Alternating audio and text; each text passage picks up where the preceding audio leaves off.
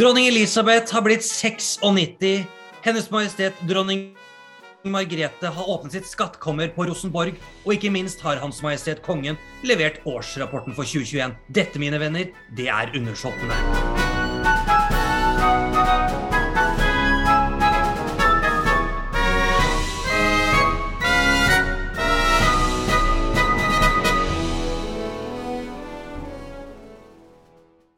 Velkommen, Jørgen Kaupang Martinsen. Og velkommen til deg, Ole Jørgen Skjulsrud Hansen. Du har så langt navn, så jeg må liksom ta fart hver gang jeg sier det. Ja, du har ikke så kort navn du heller, da. Jeg har ikke det, men litt lettere å si, da. Ja, du trenger ikke begynne, begynne podkasten med kritikk. Det, Det er så- jeg bare så... sier at det kan jo være lurt å sløyfe noen av de bokstavene innimellom, men sånn får bare være. Jeg skal gjøre det. Jeg skal prøve, prøve å kutte ned på det. Ja, litt grann sånn, ta bort Ja. alle ene, da har du kommet langt. Nå har det vært lenge siden, syns jeg. Vi, vi er gode på disse, disse lange hoppa mellom episodene. Vi er jo to veldig opptatte mennesker. Det vil jeg tørre å påstå. Det er jo på en måte det det handler om, og litt sånn når det går slag i slag hos begge to, da er det jo vanskelig å finne det smutthullet på en eh, time, halvannen sånn midt mellom et eller annet sted, da, vet du. Men Akkurat. vi sitter jo her nå. Ja, og du, for å si sånn, du er på, på jobb og instruerer revyer og bygger både det ene og det andre. og Jeg har masteroppgava, tar en bachelor i russisk og har instruksjons... Eller regisserer to teatergrupper. Ja. Så vi bidrar jo til samfunnet på alle mulige måter, vi. Vi bidrar til samfunnet. Det er frivillighetsåret 2022, eh, og vi stiller jo sterkt i klassen for om å få kongens fortjenstmedalje, tenker jeg. Det hadde ikke gjort noe, det. Det hadde ikke gjort noe, det. Men vi skal jo prate om kongelige, da. Det er jo, eh, tro det eller ei, det undersåtten handler om. Ja, er det ikke rart at det fortsatt handler om det, at det ikke er Formel 1 vi skal snakke om i dag? Jo, det var det, da. Jeg, eh, det, har jo, det er jo en, en annen ting som er i vinden om dagen, nettopp dette Formel 1-greiene. Men vi kongelige kommer jo eh, alltid i vinden, så vi holder oss til det. Det er akkurat det. Den kongelige vinden blåser gjennom oss alle. Oi, oi, oi. Vi skal da først til England, for eh, statsoverhodet der borte har blitt 96. Og hipp hurra og hurra meg rent. Altså, tenk deg det. Den dama der, altså Hennes Majestet dronning Elisabeth 2., da. eh, hun har jo altså blitt 96 år, Ole Jørgen. Og hun har regjert i altså hva er det for noe, 73 år nå? Nei, 70 år nå. Unnskyld, 70. Jeg blanda helt her. Selvfølgelig er det 70, det er jo svært jubileum. Platinajubileum. Ja, du tenkte på hvor lenge Solkongen hadde regjert. du. Ja, jeg tenkte, det var akkurat det jeg tenkte på, skjønner du, Jørgen. Og det er godt at du korrigerer meg her. Men eh, det er jo en sånn artig greie knytta til dette jubileumsåret og bursdagen hennes, da. Denne Instagram-kontoen som er eh, offisielle styringa til kongehuset i Storbritannia, de har gjort en liten finurlig sak der som er verdt å følge med på. Den har de jobba mye med, for å si det sånn. Ja, det er jo 70 bilder, da. Og Ja, også, og ikke bare 70 bilder og tekst, men de har jo også funnet til én viktig historisk hendelse, eh, kall det det året, på hvert eneste bilde. Så det er, ikke, det er ikke bare 70 hendelser fra dronning Elisabeth sitt, sin regjeringstid, men det er også eh, lagt til informasjon om 70 viktige hendelser i de årene. Ja, og det er jo, vi skal jo, vi i Norge skal være litt glad, for vi har jo Det er et par bilder med de norske kongelige. Ja, kong Haakon og prins Harald var vel på et av dem, eh, da, da det var bilder fra statsbesøk i Norge. Ja. Det, det var vi i 53, og så var det nå i dag, var det det? Eller i går? I. Da var vi jo da var det bilde av kong Olav. Fin fyr. Ja, vet du hva. Altså, han, han er konge Han var konge med stor K, altså. Skikkelig, ja, han var eh, gammeldags konge. Ja, men så hadde jo disse dritstilige solbrillene sine, så han Altså, det er jo som du sa i stad, altså, når vi har snakka tidligere da, denne uka her, at det, han ser ut som en sånn James Bond-karakter, liksom. Ja, jeg kom jo opp med en alternativ, uh, alternativ tittel til The Spy Who Loved Me, som ble til da The Spy Who Ruled Me. Åh, det er deilig, Ole Jørgen. Det er deilig. Men altså, for å sette ting litt i perspektiv her, da. Uh, for eksempel så har man i 1976 eh, så har kongehuset da i Storbritannia lagt ut bilde av dronning Elisabeth fra det året, da selvfølgelig, en hendelse hun forteller om, eller hun har opplevd. Og så kommer man med sånn Hva skjedde i verden? på en måte. Og i 1976 det var det første gang Concorden fløy. Det er et fly som fløy og har slutta å fly. på en måte. Og så vi snakker, Det er så lenge siden, liksom. Ja. Ikke sant? Det har slutta til og med igjen. Det er jo helt, det er jo helt forferdelig, egentlig. Eh, og så er det jo disse hendelsene er jo utrolig morsomme. For det sier litt om hvor lenge hun har regjert. Og så bare sånn, Hvis du blar halvveis ned i bunken av det som er lagt ut allerede nå, så kommer vi til ca. 1969. Og der er det Neil Armstrong becomes the first man to walk on the moon. Og da er vi bare halvveis ned i regjeringstiden hennes. Det er helt vilt. Så langt. Så langt, ja. Ja, ja, ja, ja. ja, ja. Men det er jo Det er voldsomt hvor lenge hun har regjert. Og så er det jo litt, litt gøy hvordan eh, mange i Storbritannia, i hvert fall som kongehuseksperter, sånn, krisemaksimerer det at du begynner å bli gammel. At nei, nå dronningen gikk til stokk. Nei, dronningen har ikke vært vist så mye offentlig. Og så er det sånn Dama er 96 år gammel. Ja. Hun forbereder seg på å legge seg ved siden av sin uh, ektemann, holdt jeg på å si. Hun uh, gir fra seg mer og mer uh, Oppgaver? offisielle, ja, oppgaver og offisielle plikter til sønn og barnebarn, sånn at den overgangen ikke skal bli så, bli så brå. Så de gjør det jo veldig riktig på mange måter, egentlig. Ja, og du, du ser det tidligere med det at hun har utnevnt eller sagt det offisielt at hun vil gjerne at Camilla skal bli kalt for dronning. Måte, Ja. Dette er så klart at hun gjør måte, overgangsfasen mye lettere for dem. Da. Og det er jo det, jeg, jeg tror dronning Elisabeth har et helt annet bilde på det på en måte sitt eget liv enn det vi andre har på livet vårt.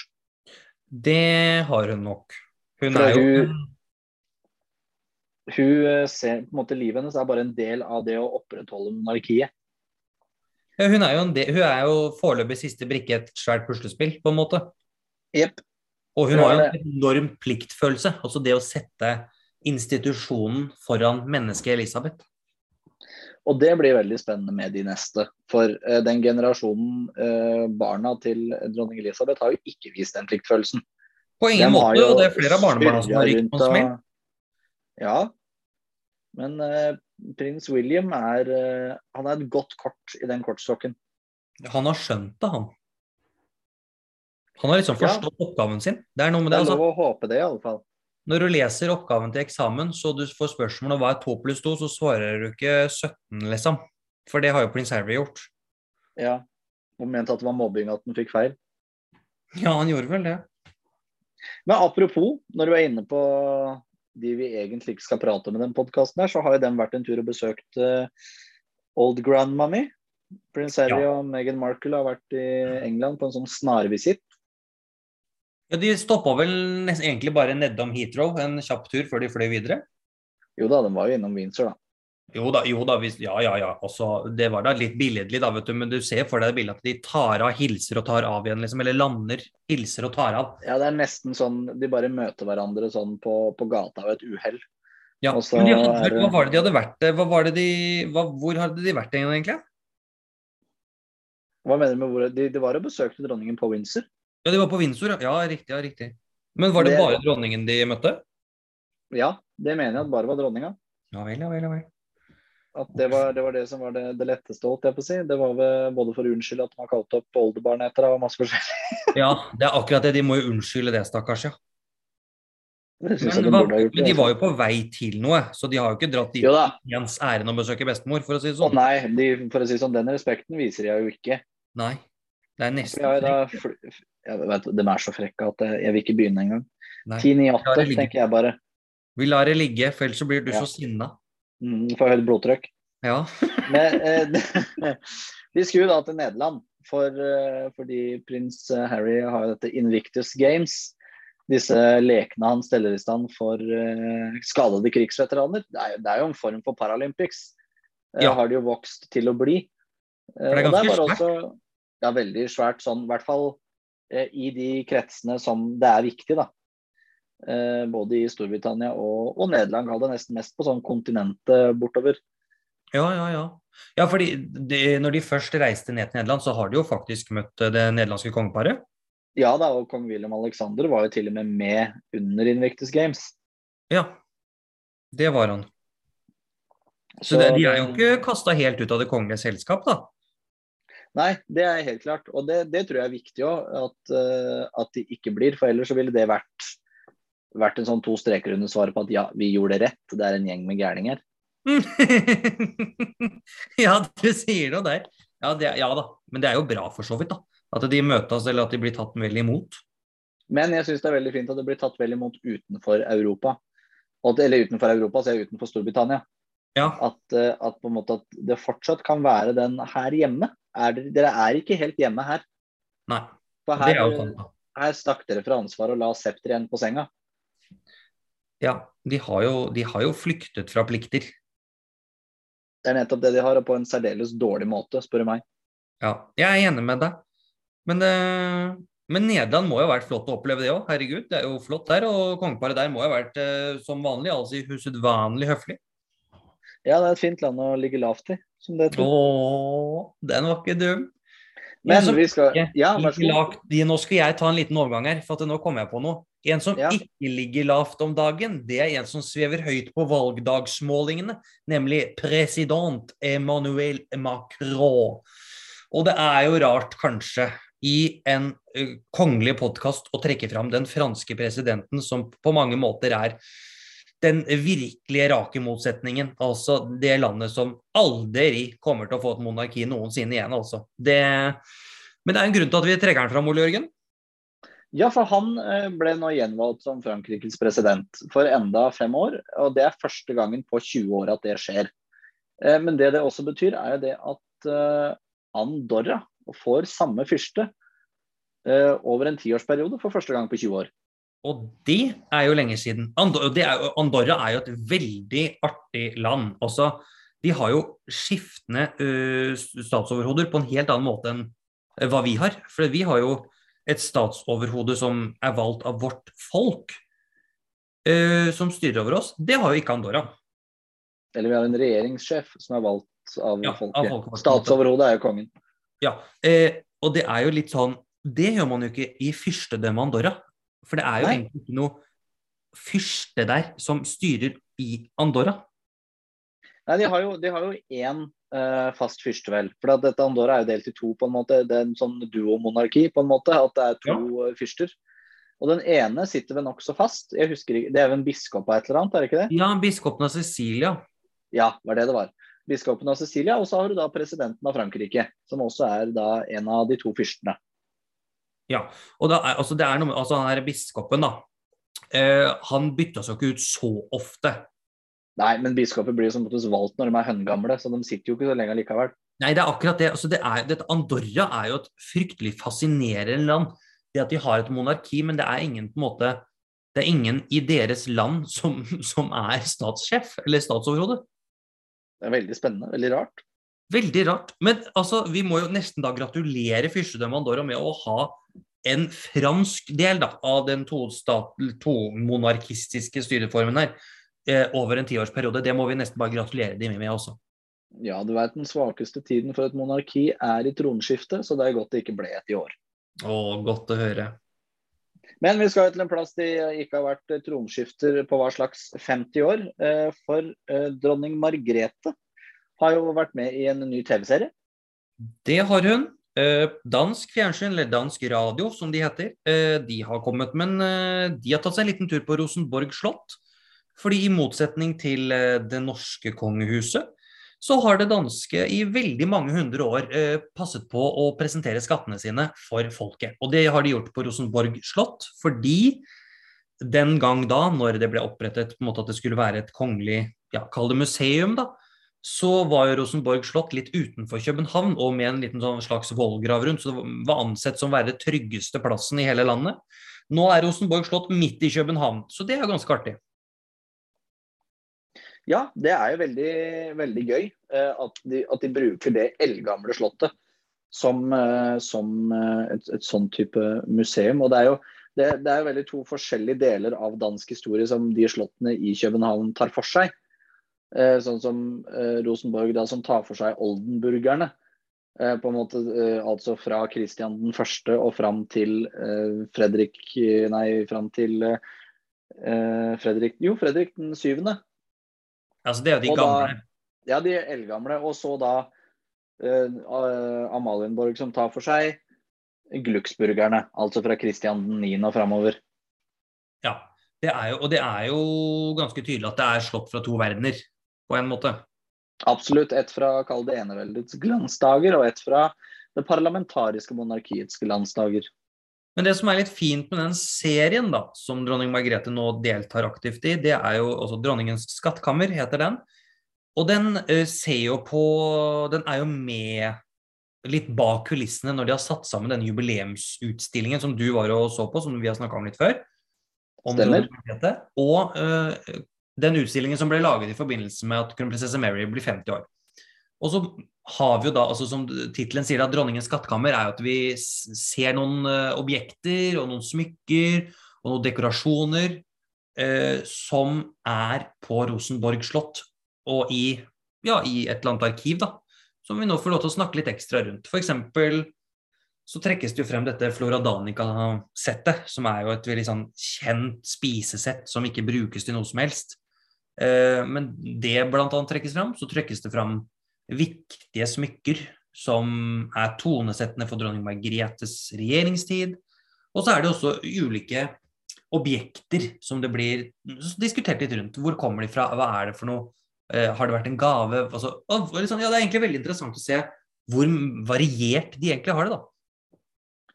Går det an å se den i Norge? Ja, det gjør det. DR.dk, og så går det på DRTV en del av det som ligger på dansk TV og SVT da, i Sverige, er åpent pga. nordisk samarbeid. Men det er, ikke, det er, ikke, alltid det ligger så lenge, så man må være litt på alerten. Ja, og så tenker jeg at den serien, når den er ferdiggått i Danmark, så kommer den på NRK. Eh, det er litt, litt, sånn, litt sånn, selvsagt. Ja. De har vært litt dårlige på det, egentlig, men uh, pleier å dukke opp. Men nå lå det plutselig veldig mange på NRK. Ja, så spennende. Om, ja, så det, det, er sånn når jeg er ferdig med det, da skal jeg fråtse i det en dag, kjenner jeg. Og, og det må folk kose seg med. For det, er, det, blir sagt litt sånn artigheter og litt sånn Ja, det dukker opp ting da som er litt gøy å få, få høre med seg. Ja, dronning Margrethe er jo veldig artig. ja, og så er hun veldig på bjuderen. Hun stiller jo ofte opp på disse TV-greiene. Altså, Kong Harald, jeg, jeg, kunne ikke sett for meg dronning Sonja og kong Harald diskutere slottsarkivet vårt på den måten. Vi har hatt en miniserie i Norge før med noen få elementer fra det kjempestore arkivet ja. som finnes på Slottet, men De kongelige samlinger. Ja, og vi har jo ikke et slottsmuseum som kan vise fram disse fantastiske gjenstandene som egentlig finnes, og som aldri blir stilt fram eller vist eller sett. Vi har Kunstdalen til dronning Sonja, hvor de har litt ulike ting. Nå er det jo en fantastisk utstilling om kongens biler, eh, som man burde få med seg. Selvfølgelig bor man i Oslo eller Oslo-området. Men eh, ellers er det jo synd at vi ikke får sett hva de egentlig har. Også, også er, men det er jo en kjensgjerning at det arkivet i Norge er jo ikke ferdigstilt engang. Den begynte med arkiveringen der for 20 år siden. Ja, det er det. Tenk, eh, tenk deg hvor mye greier det er der. Det, det begynte fordi Tor Boman Larsen skulle ha tilgang til så mye av det. At ja. Idet de begynte å rote fram ting da, så begynte de også å arkivere det. Ja, men men det er jo Det finnes så mye greier på det slottet i Oslo at det, eh, det, ja, der har, de, der har de rota fram masse ting de trodde var uh, borte. Ja. Tenk deg det. altså Her har de funnet ting som de har trodd har vært borte. Det er litt sånn som da dronning Silvia eh, begynte å rydde på Stockholm slott og fant uh, altså diademer fra napoleonstiden, sånn helt nedstøva inni et skap. Det er jo helt utrolig. Jeg skulle så gjerne vært med på den, eh, den ryddejobben der. Det hadde vært så spennende. Ja, men også tenk deg hva vi liksom vanlige dødelige folk da har etter å ha bodd et hus i bare et års tid, så kaster jo vi ting og finner ting. Å jøss, den hadde vi glemt. Men det er litt annen kaliber, da. Sånn som når dronning Sonja finner hele, altså alt lysarmaturen og krystallene til lille spisesal på loftet, pakka sammen inni et skap, liksom. Og dronning Silvia da finner på Stockholms slott noen diademer, liksom. Det er jo helt sykt. Ja, det, det, det Vi skulle ha lært av dronning Margrethe, for å si sånn. Hun har alt på orden. Der er alt på Rosenborg slott. Det er ikke noe å tenke på i det hele tatt. Nei, hun, hun er et ordensmenneske, for å si det sånn. Og tenk på stell, hun. Det har hun. Men vi skal jo til noen andre som har klart å rote fram noe gammel kunst og sånn. For uh, dronning Letizia av Spania har vært, på en, uh, vært og åpnet en utstilling i England sammen med prins Charles. Riktig. Og det, det, det, er ikke så veldig mye annet å si om det enn at det var en, et samarbeid, eller kall det sånn uh, Hva er det du skal kalle det? En kunst for å vise de anglo-spanske forbindelser gjennom hva da, 300 år eller et eller annet sånt. Ja, så egentlig bare en sånn kulturell forbindelse mellom landene. Absolutt. Veldig fint at de får dronninga fra Spania da, til å Ja, det er jo ganske tøft, egentlig. Men det er jo litt Hun på en måte Vi kan jo sammenligne litt med den arbeidsoppgaven som prinsesse Marie av Danmark har, når hun nå bor i Paris og er eh, sånn ja, kulturattaché, eller hva hun er for noe, da. At hun skal representere eller sørge for at uh, fransk og dansk kunst og kulturliv uh, styrkes i hverandres uh, land. Det er jo litt det prins Charles eller fyrsten av Wales og dronninga av Spania gjorde her, da. Absolutt, absolutt. Og det kan vi like. Det kan vi like. Det var jo samme som dronning Sonja var jo i Venezia her om dagen og åpna den norske paviljongen på biennalen. Det er jo helt, altså det er kjemperått. I år så er det bare samiske kunstner. Og det er Ja. første gang. Det er gøy. For, men var ikke det, Jeg òg forsto det i starten som en norsk paviljong, men var ikke dette bare eh, sånn Kall det det var et bygg som var tegnet av en norsk arkitekt, og som brukes for å få frem kall det nordisk kultur i Ja, ja. ja, ja. Venezia. I, Og at altså, dette var da en samling av Kall det Det var, det var både finsk, svensk og russisk og norske samer, var det ikke det? Jo, riktig. Og så er det jo sånn, dette bygget som er tegnet av Sverre Fehn, som er en kjent tidligere norsk arkitekt, er jo på en måte den norske paviljongen i Venezia. Oh, greit. Fordi man har alltid uh, I Venezia så er disse utstillingene hvert år, og den sto vel ferdig i 62, hvis jeg ikke husker helt gærent nå, dette huset her. Eller denne paviljongen, da, som de kaller det. Uh, og så har jo hvert land da sitt paviljong, og noen land samarbeider tettere om utstillingene sine. Så det er vel egentlig derfor det har endt opp med at den samiske utstillingen er på den norske paviljongen i år, da. Litt sånn avart av uh, verdensutstillingen. Ja, det er jo på mange måter verdensutstillingen, bare i miniformat. Ja. Men så skal vi jo over til uh, rosinen i pølsa og kjøttet på beina av denne episoden. Oi! Uh, for uh, det norske kongehusets årsrapport har jo blitt publisert i dag, altså Oi, mandag mandag oi. 25. april. Det er ikke gærent. Og det er jo, eh, for å si det, det er jo ikke det, det er veldig mye, ikke svadatekst, det er feil å si. Men, men det er veldig mye sånn eh, forklaring av alt det de kongelige gjør og alt sånt der. Mens vi er litt interessert i mye av tallene her. Hva som skal det vises av arbeid. Ja, og hva som egentlig har skjedd det foregående året? Absolutt, for der, der, vi får ikke med oss alt, vi heller. Nei, absolutt ikke. Så sånn raskt oppsummert, da.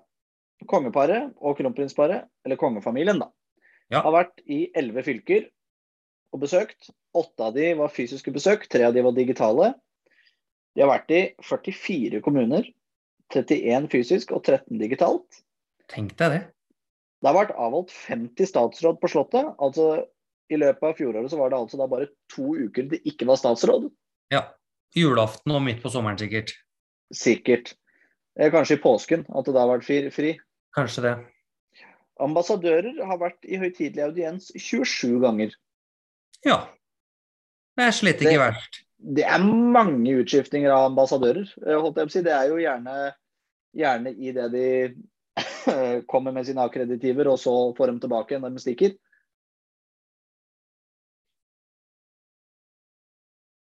Men hva er det de Ja, for, men det har vært ganske mange besøk?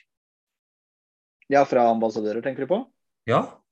Ja, og jeg vet ikke hvor mange ambassader og konsulater det er i, er i Oslo. Men det er jo en hel del, sikkert. da. Det er jo 198 land eller et eller annet sånt, ifølge Einar Tørnquist og podkasten hans. ja, ja, riktig.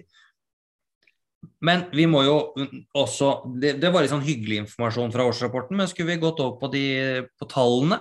Åssen er Ja, det for- ligger an på dette her? Hvordan Åssen går det egentlig med dette kongehuset? Er det pengesluk, eller er det greig skuring, liksom? Eh, De har jo hatt planlagt underskudd nå de siste årene. Først pga. pandemien og pga. en stor sånn sikkerhetsmessig oppjustering som har vært rundt de kongelige eiendommene. Ja, riktig, riktig. Så det- har de jo på en måte, de har jo spart opp penger til de underskuddene over flere år.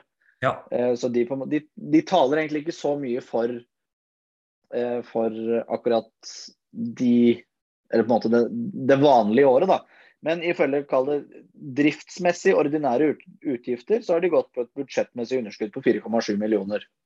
ja, og det er jo faktisk ikke gærent da når det er planlagt. Nei, det, det tenker jeg, og det er sånn, du må tenke på det at de ikke har åpent slott, de ikke har hatt Oscarshall åpent. ikke? Det er masse som ikke har vært mulig å gjennomføre. Ja. Og de leier jo ut mange av disse områdene når de ikke er i bruk eh, av eh, hoffet. Så at det er mye utgifter som gikk tapt i fjoråret også, er nok en realitet. Og kongen har jo heller ikke sluppet unna strømkrisen. Så absolutt ikke. Strømutgiftene var 3,7 millioner kroner høyere enn i 2020. Som det er en det... økning 111% Det er så vilt. Det er helt vilt. Og det, og det som er vilt her, er økningen. Altså i prosentvis. Ikke det at det koster 3,7 millioner i seg selv, men hvis det har økt da altså, det er, altså, Da har det jo kosta rundt 2 millioner før, da. 2-2,5. Og nå koster det nesten 4 millioner med strømmen. Det er helt sjukt. Så det er, her er det både Jørgen Hattemaker og kong Salomon får smake på strømpisken til Støre, for å si det sånn. Det skal jeg love deg. Men sånn er det jo når olje- og gasskrana blir lokka. Hva er det du sier for noe? Sånn er det når olje- og gasskrana blir lokka på kontinentet, si. Ja, steik, altså. Vi, vi får se åssen dette går. Men det Det har er jo skjedd skjedd på Slottet òg, da. Eller de kongelige eiendommer har fått en liten oppgradering. Jo, Eh. de har, ja, de har blitt rehabilitert. Ja, for vi, det er jo Jeg jobber jo med eh, dette her på mange måter. Altså, nå skal ikke jeg si at jeg jobber med Slottet, det er ikke det jeg gjør. Men jeg jobber med å En del av min jobb er jo å ha innimellom prosjekter som går på verneverdige bygninger, eller kulturhistoriske bygninger, eller kulturmiljøer som på en eller annen vis må bevares. Og vi er jo da levende opptatt av at det skal være levende kulturarv. Og nettopp det er jo også den kongelige familie og det kongelige hoff. Absolutt. de har jo det største, på en måte, som Jeg hadde ikke fått med meg at dette skjedde, men de har jo rett og slett restaurert det som heter Den hvite salong på Slottet. Og Det hvite salong, det har vært eh, dronningens audiensrom, og har vært et, et av de mest kostbare rommene på Slottet. Sånn fra historisk, da, i forhold til størrelsen på rommet. For det er ikke så stort rom, men det er innmari utsmykka med både altså gull og disse fantastiske eikegulvene. Og dette her at det er et representasjonsrom som virkelig har, har betydd mye for mange. Det var vel det rommet som i sin tid fikk masse kritikk for budsjettsprekk og det som var da de pusset opp Slottet på 90-tallet. Eh, absolutt. Men eh, sånn var det. Eh, og det her har jo også vært en historisk bit hvor dronning Josefine, som var gift med kong Oskar, den første, hun har også hatt tilknytning til det rommet her, som en sier at det skulle vært hennes leilighet. My mye av det, da, på en måte. Men nå er rett og slett en hvitsalong tilbakeført. Det har med forgyllninger og eikegulv. Stoler er liksom altså, De har virkelig tatt et tak, og det har trengtes, da. Det er jo, Slottet er jo et gammelt bygg, og det trengs kjærlighet. Sånn er det bare. Men det er nettopp det. Det koster penger fordi at det skal eh, være litt pomp og prakt. Og det må vi bare tåle. Vi skal jo gå inn på litt seinere hva kongehuset koster i dag kontra for 130 år siden. Eh, Og det er, for å si sånn, eh, noen kommer til å få litt bakoversveis der. Det kan hende, men de skal godt få litt bakoversveis her også først. Fordi Slottets kanskje, eller jeg vil påstå Slottets viktigste rom er fugleværelset. Det er det mest kjente rommet. Det er det rommet som vi ofte ser. Det er et veldig viktig representasjonsrom. Og det er jo et fantastisk maleri, hele rommet. Og inne på rommet, en liten sånn fun fact er det at man finner jo 43 fugler som er gjengitt da i tak og vegger. Men det ryktes at de færreste klarer å finne alle fuglene. Og det er litt artig. Men man har jo funnet ut at fugleværelset er slitt, fordi det blir jo brukt eh, hver eneste dag. Så her er man faktisk i full sving med å retusjere en del av maleriene og konservere det. Og som et tiltak for at representasjonsrommet skal eh, være representativt og fortsatt være i bruk, så har man vært innmari lure fordi man har hengt opp kopier av veggene i tekstil. Så man har jo nesten ikke lagt merke til at veggene ikke har vært der. Så lekkert. Og det liksom, da har du ikke bare printa det ut på, på kopimaskinen og blåst opp en A4-vegg, liksom. Nei da, du har faktisk gjort det på tekstil. Og det er ganske tøft også. Bruk 3D-printeren med garn. Ja, ikke sant. Det er noe med det. Og det tenker jeg at det syns jeg er litt tøft. Når vi er på Slottet, liksom. Jeg syns det er veldig artig. Og at det gjøres ordentlig som vanlig. Ja, at det gjøres litt ordentlig. Og de to siste tingene vi da må nevne, og som også trekkes fram i årsrapporten, er jo at eh, Slottshagen har eh, fått eh, tilbake en viktig identitet av På baksiden av Slottet så har det vært litt forsømt, kan du si. innen, og det har de stramma opp på mange måter. Og Oscars hall har fått en stor, stor forbedring av sin romantiske hage. Altså her Ja, og Den er jo under full restaurering nå òg. Ja, der er det full stikker. skal ikke være åpen til sommer for omvisning, grunnet til at det er så store arbeider som må gjennomføres med hagen. Og der er det mye som skal gjøres. Absolutt. absolutt. Så det blir veldig spennende neste år. Da må vi dra på omvisning. Ja, men det skal vi, for da har man jo fått tilbake det opprinnelige anlegget, rett og slett. Og det, og det gleder jeg meg til å se. Ja, det gjør jeg òg. Men- Og så er det litt, eh, Jeg, jeg syns det var ganske spennende eh, en ting som jeg bare sånn plutselig skumma over i den årsrapporten, og det er jo kjønnsfordelingen blant de ansatte. Ja, For der eh, ble jeg egentlig litt overraska ja vel. i starten. Eh, For kjønnsfordelingen blant faste ansatte er 78 kvinner og 65 menn. Ja. Og kjønnsfordelingen blant midlertidig ansatte er 79 kvinner og 86 menn. ja. Så det er jo veldig kjønnsfordelt. Jeg hadde egentlig trodd at forskjellen kall det kvinner og menn skulle være mye større, at det var flest kvinner. Ja, det er jo ja, kanskje en del typiske kvinneyrker her, men historisk også kanskje egentlig mannsdominert. Det tenker jeg i hvert fall sånn mye, av- mye av rollene det rundt kongen og kronprinsen f.eks. Det, det, det er som man har hørt om hvor vanskelig dronning Sonja hadde det med å være kvinne på Slottet under kong Olav sin tid, når det da hadde vært 30 år med bare, bare menn. Men hva var det kong Harald sa? Han sa det jo litt artig det i den talen eh, med kong, altså når vi hadde statsbesøk fra Nederland. Så er det jo, det er jo som man sier at vi er 50-50, vi i liksom kongefamilien. Eh, også kongen, kronprinsen, dronningen og kronprinsessen. Men hver gang det er stemmeavgivende, så har alltid kvinnene flest eh, stemmer. Og det er, det er veldig rart hver gang, men sånn er det bare blitt, altså. Og det er jo artig, da. At det her Ja. er det faktisk ikke Det er ikke så mannsdominert på Slottet lenger. Nei, det er ikke det. og Det, er i, i, det syns jeg er fint. Og i hvert fall at det er så likt, på en måte. Det er ikke mange det skiller. Men Ole Jørgen, vi ja. mister en viktig brikke på Slottet nå. Det gjør vi jo. For uh, hoffsjefen uh, går jo av. Funnet seg en annen jobb. Rett og slett. Hoffsjefen, altså sjefen over alle sjefer på Ja. hele hoffet. Gry Møllenskog fra Bodø har vært, rett og slett vært verdens første og eneste kvinnelige hoffsjef. Hun går nå.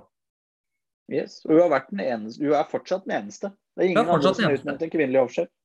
Og det er jo altså Jeg skjønner at Gry ønsker å ta seg nye ting før hun blir for gammel, på en måte, når du er i arbeidslivet, men det er et lite tap for kongehuset, tror jeg. Og det er et absolutt et tap for uh, det å sette en standard for de andre monarkiene. At uh, alt er mulig. Fordi vi ser jo at uh, det ansettes stort sett bare menn. Altså det ansettes bare menn, unntatt Gry Møllenskog, i disse stillingene. Så det blir spennende å se hvem som blir ny hoffsjef. Jeg lurer på om ikke det er utnevnt, og at det er en mann. Eh, men eh, det skal jeg ikke Jeg skal ikke forgripe de angivelsene der. Det blir Ja, spennende å jeg, se. jeg, ja, for jeg tror ikke de har gått ut med den da. Nei, så det blir spennende å se hva som kommer, egentlig. Det blir det. Eh, og så var det jo var det litt, eh, litt selvfølgelig på hvem de har utdelt litt ordnere til og sånn. Og det eneste av kall det interesse der er det at Hans Majestet Wilhelm Alexander ble tildelt storkors av St. Olavsorden i fjor. fjor. Ja. Og det er vel da storkors med kjede, er vel rimelig å anta. Eller stolkors er vel bare med kjede, når jeg tenker meg om. ja så det, det er jo the real deal, på en måte. Hele smæla. Det er jo den som kongen og kronprinsen bruker ved regjeringsåpning og avslutning. Så det, er ikke, det, er, det er fint at uh, Wilhelm Alexander fikk den. Ja, det syns jeg virkelig. Men og dronning Maxima, hva, fikk hun noen ting? Nei, hun var ikke satt opp på, på noe der. Nei. Det er jo litt Av, interessant, av, òg. av det jeg fikk saumfart, da. Det kan jo hende at det var at hun sto der og at jeg fikk hoppe over det. Men det er jo mulig eh, hun har blitt tildelt tidligere òg. Det skal ikke jeg si noe på, så, men hun fikk den jo ikke nå. Det gjorde hun jo ikke. Nei, og det er vel stygt sagt bare tradisjon for at den regjerende monarken, holdt jeg på å si, den ja, fyrsten, eh, får eh, storkorset. Ja, riktig. Det er sånn som dronning sånn- Sonja heller ikke det, på en måte. Nei, og dronning Sonja er ikke Knight of the Garter, ikke sant. Det er, Nei, riktig. så, men vi har jo ikke noe grense på hvor mange riddere det kan være av storkorset. Nei, det har, I- vi har jo ikke det. I, i Hosebåndsordenen så er det ved 25, tror jeg. 25 mannfolk. Ja, så er det da samme. i tillegg den kongelige familien. Ja, og så har vi det samme elefantordenen. Det styres av hvor mange elefanter de har. Ja. Det er jo litt fascinerende, egentlig. Altså, det ble bestilt inn et x antall elefanter, og det er, det er de som setter standard, på en måte. Det er så spesielt. Men det er ganske artig, da. At det liksom, sånn er det. Og det også, apropos når vi liksom snakker om dette her, da, så er det jo Noen av de elefantene har jo forsvunnet, og da er de registrert som tapt. Altså de er sånn de kan ikke erstattes. Du, du har mista et medlem, på en måte. Det er så rart. Det, men, men det er veldig gøy. Men de mangler jo f.eks. den russiske elefanten, og de mangler den iranske elefanten. Det er ikke helt merkelig, kanskje, men uh, de er altså borte vekk. De har vel sikkert ikke erstatta dem etter at de avgikk med døden, for det gjorde jo de to monarkiene rimelig grotesk. Så, ja, de gjorde jo det. Ja, så sånn kan det gå. Men vi skulle jo se litt på denne lille uh, sammenligningen som jeg har gjort, da. Med ja, fortell, fortell. av utgiftene for uh, Det kongelige hus. For jeg skrev en oppgave, masteroppgaven min omhandler kongemakt i mellomkrigstiden. Ja. Og der så sto det liksom ettertrykkelig at Gustav 5. kom på kant med ministeriet Staff, eh, som ikke ville gi Gustav 5. økte eller økt apanasje i Sverige for de pengene han tapte i Norge da, ved unionsoppløsningen. For han var jo eh, kronprins av Sverige og Norge ja. eh, fram til 1905. Eh, og så lurer jeg på OK, 30 000 kroner i 1905.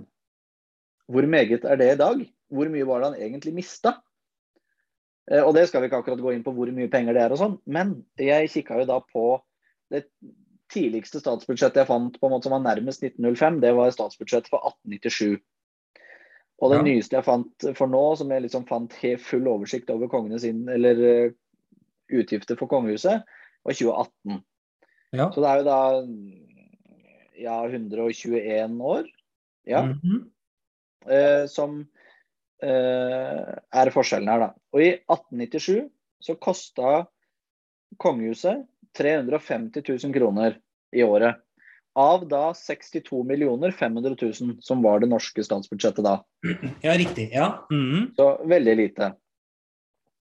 I 2018 så kosta kongehuset 368 millioner 700 000. Og da snakker vi alt, på en måte. Ja, ikke utelatt uh, sikkerhet eller uh, vakter eller uh, kongelige reiser. Det som er, alt som er tilegna kongehuset, både til Utenriksdepartementet og Justisdepartementet, er alt sammen. Ja, ja. Så det er fulle prisen. Og det var da av 1300 milliarder. Og 350 000 kroner av 62 500 000 er 0,56% Ja.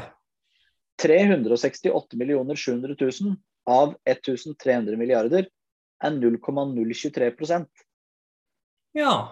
Det betyr da av Kall det den delen av statsbudsjettet som kongehuset får, fikk i 1897 kontra i dag, eh, altså har blitt forminska med 95,9% Det er jo helt vilt, egentlig. Ja, det er det. Du kan gjerne du må gjerne se på det som det er velferdsstaten, og alt sånt, men, men allikevel kongehuset koster halvparten så mye i dag på statsbudsjettet som det gjorde i 1897. Ja, og så sa du ikke at det kosta rundt 370, var det ikke det vi hørte akkurat? Jo, 370. Jo. Det er jo hva det koster å drifte en skole, på en måte, ett ja. år. Eller et skolebudsjett da, til en kommune i Norge. Så det er jo ikke Det her er ikke svimlende summer, på en måte. Det er jo ikke til å bli kvalm av når folk da står rundt og sier at de tar skattepengene våre.